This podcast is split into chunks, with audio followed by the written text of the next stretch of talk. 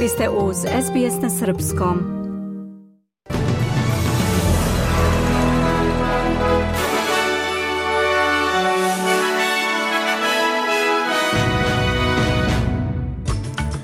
Najavljena velika reforma australijske vojske. Townsville postaje glavni vojni centar. Kosovska policija deblokirala selo Banjska i okolinu. Vučić pozvao Srbe na mir.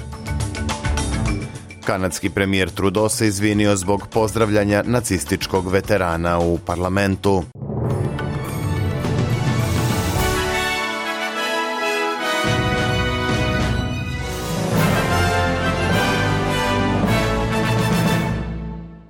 Savezna vlada najavila je veliko restrukturiranje australijske vojske u narednom periodu. Kako je istaknuto, vlada je odlučila da sprovede ključnu preporuku iz studije o odbrani Australije, koja sugeriše da je kopnenim snagama potrebna reforma – Grad Townsville u Queenslandu pominje se kao novo središte vojske Australije sa sveukupnim proširenjem vojnog prisustva od 2025. U okviru restrukturiranja Adelaide će postati glavna baza za australijske rakete dugog dometa. Zamenik saveznog premijera Richard Marles kaže da vlada želi da osigura da Australija ima vojsku fokusiranu na budućnost. We need to be making sure that we Moramo da se pobrinemo da imamo vojsku budućnosti. Strateška revizija odbrane tražila je od vlade da pronađe model za vojsku koja će biti fokusirana na obezbeđivanje mira i bezbednosti u regionu u kom živimo, rekao je Miles.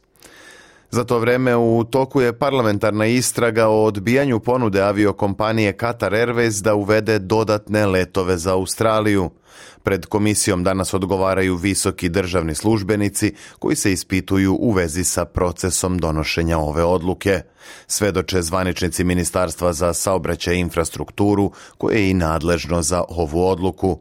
Vlada je istakla da je odluka doneta u državnom interesu, ali Qatar Airways tvrdi da nije dato nikakvo smisleno opravdanje za odbijanje njihove ponude.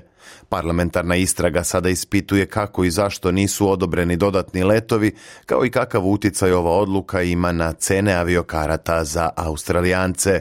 Zamenica sekretara Ministarstva saobraćaja i infrastrukture Marisa Purvis Smith objašnjava na osnovu čega je ministarka King donela takvu odluku. The minister has indicated that she took into consideration... Ministarka je naznačila da je uzela u obzir niz faktora koji uključuju ono što se trenutno dešava na međunarodnom aviotržištu, takođe i šta se dešava sa oporavkom od covid i vraćanjem punih kapaciteta u sistem, posebno od strane drugih dobavljača sektora. Također razmotren je i uticaj situacije na radna mesta na duži vremenski rok. Nova premijerka Viktorije Jacinta Alan je prvog dana na funkciji izjavila da se žene političarke drže drugačijih standarda jer ih je samo nekoliko na rukovodećim pozicijama. Alanova je u sredu položila zakletvu kao 49. premijer Viktorije nakon što je Daniel Andrews iznenada podneo ostavku. Jacinta Alan je tek druga žena premijer u Viktoriji posle Joan Kirner koja je funkciju obavljala od 1990. do 1992. godine. U izjavi za ABC Alan je rekla da se nada da će joj javno suditi na osnovu njene radne etike, a ne njenog pola – Opširnije o ostavci Endruza i imenovanju njegove naslednice govorit ćemo odmah posle pregleda vesti. Savezna vlada je odbacila bilo kakve planove za subvencionisanje goriva posle najnovijeg skoka cena naftinih derivata – Podaci objavljeni u sredu ukazuju na kontinuirani rast troškova života sa uvećanjem troškova za gorivo od 9,1% u avgustu. Savezni blagajnik Jim Chalmers rekao je za ABC da vlada već ima spreman plan troškova života i da subvencije za gorivo nisu opcija. To nije nešto o čemu trenutno uh, razmišljamo. Jedan od razloga za to je što mislimo da imamo mnogo bolji način da ljudima pružimo pomoć sa troškovima troškovima života. Upravo pokrećemo milijarde dolara u troškovima izdržavanja i to radimo na način koji umanjuje inflaciju, a ne doprinosi joj. Naš prvi prioritet je da pomognemo ljudima da se izbore s pritiscima troškova života, a to košta milijarde dolara, istakao je Chalmers a bivša premijerka Australije Julia Gillard pozvala je Australijance koji žive u Velikoj Britaniji da izađu na referendum i da glasaju za uvođenje glasa prvih naroda u Ustav. Gillard je rekla za aktivistima kampanje za u Londonu da je napredak ka zatvaranju jaza bio suviše spor. Ona je istakla i da se raduje što će Australija napredovati ka sprovođenju u delo u Luru saopštenje od srca. Zajedno možemo da krenemo na put koji vodi ka daleko inkluzivnijoj budućnosti i pomirenju. Moramo da prihvatimo ovaj poziv i da obezbedimo da se glasa za, kao i da se već dan kasnije nastavi dijalog dijalog još dublji, bogatiji i jači za promene, rekla je Gilard. Slušate SBS na srpskom. Pregled vesti. Slede aktuelnosti iz Srbije i sveta. Posle četiri dana blokade, kosovske vlasti donele su odluku da dozvole ulaz u područje oko sela Banjska. Do blokade je došlo nakon sukoba Srba i kosovske policije u nedelju ujutro, u kojem su poginula trojica Srba i jedan pripadnik policije. Prištinski mediji su objavili informaciju da je tužilaštvo oslobodilo četvoricu od osmorice uhapšenih Srba zbog, kako je navedeno, nedostatka dokaza da su povezani sa sukobima.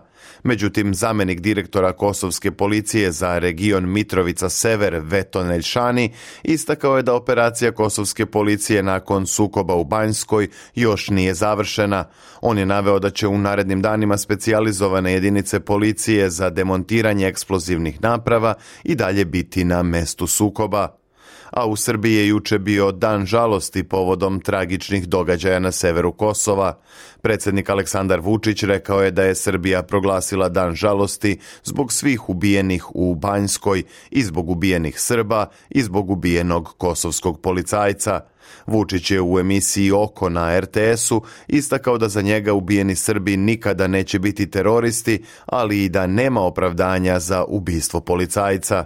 On je istakao da je za Srbiju i Srbe mir od prioritetnog značaja. Ja se nadam da će Srbiji, pozivam ih, pozivam ih, kao Boga ih molim, da pokušamo na miran način da dobijemo ono što nam pripada, da tražimo da se skloni Kurtijeva policija odatle da sve probamo na miran način. Da nam poslednja, poslednja, poslednja opcija bude da moramo da štitimo živote naših ljudi. Ali mir je naš interes i pozivam ih na to, molim ih za to. Specijalni predstavnik Evropske unije za dijalog Beograda i Prištine Miroslav Lajčak sastao se sa budućim komandantom KFOR-a generalom Oskanom Ulutašom. Njih dvojica su razgovarala o situaciji na Kosovu i o dijalogu Beograda i Prištine. Zadovoljstvo mi je da poželim dobrodošlicu budućem komandantu KFOR-a, generalu Ulutašu. Razmenili smo viđenja o trenutnoj situaciji na Kosovu i o dijalogu. Radujem se nastavku dugotrajne odlične saradnje sa KFOR-om, napisao je Lajčak na Twitteru. Ulutaš će preuzeti jednogodišnje komandovanje nad kvorom u oktobru, što će biti prvi put da neki turski oficir komanduje misijom NATO na Kosovu. Podom zahteva dela opozicije za održavanje izbora oglasio se predsednik Srbije Aleksandar Vučić. On je u izjavi za radio televiziju Srbije rekao da je prihvatio njihovu ideju u potpunosti i da je vlast spremna na izbore već od 17. decembra. Vučić je precizirao da bi izbori mogli biti zakazani upravo za taj dan i naglasio je da će se održati i parlamentarni i beogradski i pokrajinski izbori.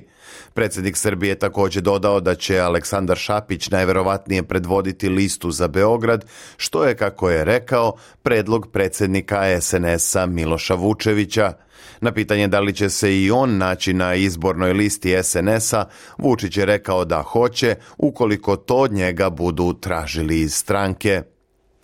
Agencija za istrage i zaštitu Bosne i Hercegovine SIPA sprovodi određene provere koje se odnose na visokog predstavnika Kristijana Šmita, potvrđeno je radio radioteleviziji Republike Srpske. Port parolka SIPA Jelena Mijovčić rekla je da se vrše operativne provere iz domena nadležnosti agencije.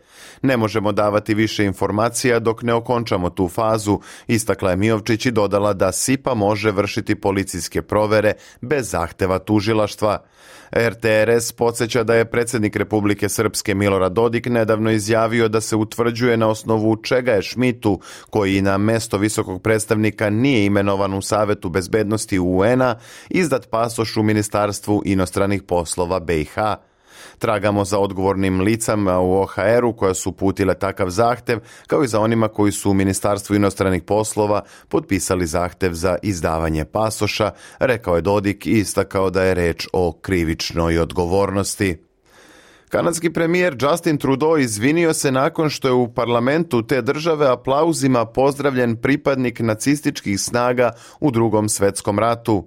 Do ove situacije došlo je prilikom posete ukrajinskog predsednika Vladimira Zelenskog u Donjem domu kanadskog parlamenta. Predsedavajući donjeg doma Anthony Rota podneo je ostavku rekavši da je napravio grešku što je prošlog petka pozvao 98-godišnjeg Jaroslava Hunku da prisustvuje govoru Zelenskog pred poslanicima.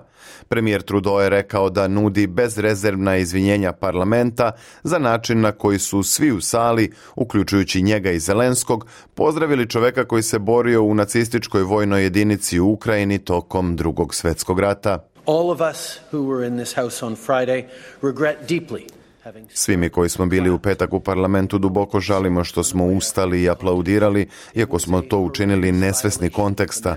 Bilo je to užasno kršenje sećanja na milione ljudi koji su ubijeni u holokaustu i bilo je veoma bolno za jevrejski narod. Takođe povredilo je i Poljake, Rome, LGBT osobe, invalide i milione onih koji su bili meta nacističkog genocida, rekao je kanadski premijer Trudeau. Na međunarodnom tržištu valuta jedan australijski dolar danas vredi 64 američka centa, 61 eurocent, 52 britanska penija i 71 srpski dinar i 10 para.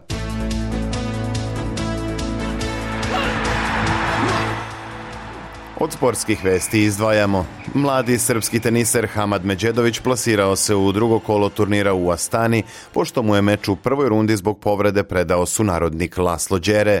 U trenutku prekida susreda Međedović je vodio sa 1-0 u setovima i 2-1 u drugom. Međedovića u drugom kolu čeka duel sa ruskim teniserom Aleksandrom Ševčenkom.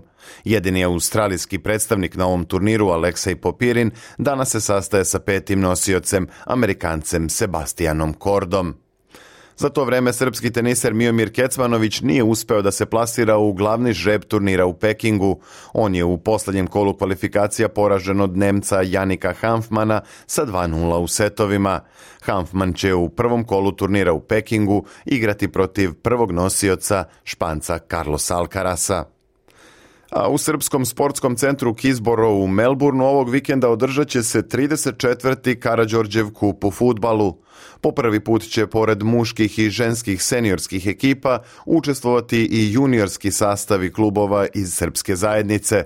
Na ovogodišnjem Karađorđevom kupu koji organizuje klub Casey Kings Krajina takmičiće se ukupno 25 timova u četiri konkurencije – Od klubova iz Melburna učešće su pored domaćina potvrdili Springvale Beli Orlovi, Melbourne Srbija, Westgate Sinđelić i Noble Park Drina.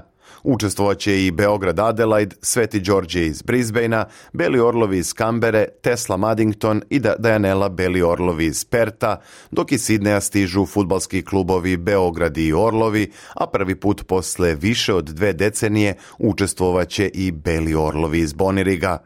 Titule pobednika Karađorđevog kupa brane futbaleri Melbourne Srbije i futbalerke Westgate Sinđelića. Dolazak ekipa i žreb grupa biće održani u petak uveče u sportskom centru u Kizborov, a takmičenje će se održavati u subotu i nedelju sa početkom od 10 sati i 30 minuta ujutro. Evo i vremenske prognoze za sutra. U Sidneju sunčano i najviše 29 stepeni, u Melbourneu takođe vedar dan i 25, a u Kamberi povremeno oblačno i 26. U petak u Pertu uglavnom sunčano i 24, u Brisbaneu vedro i 27, a u Adelaidu sunčan dan i maksimalno 28. Sutra u Darwinu sunčano i toplo 35, a u Hobartu moguća kiša i najviše 17 stepeni. U Srbiji danas sunčano, temperatura od 13 do 28. Bilo to sve u pregledu vesti na srpskom jeziku za 28. septembar 2023. Za više informacija posetite sbs.com.au kosacrta news.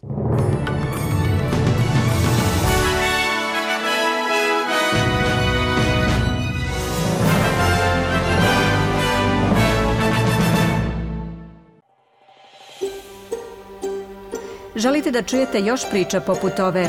Slušajte nas na Apple Podcast, Google Podcast, Spotify ili odakle god slušate podcast.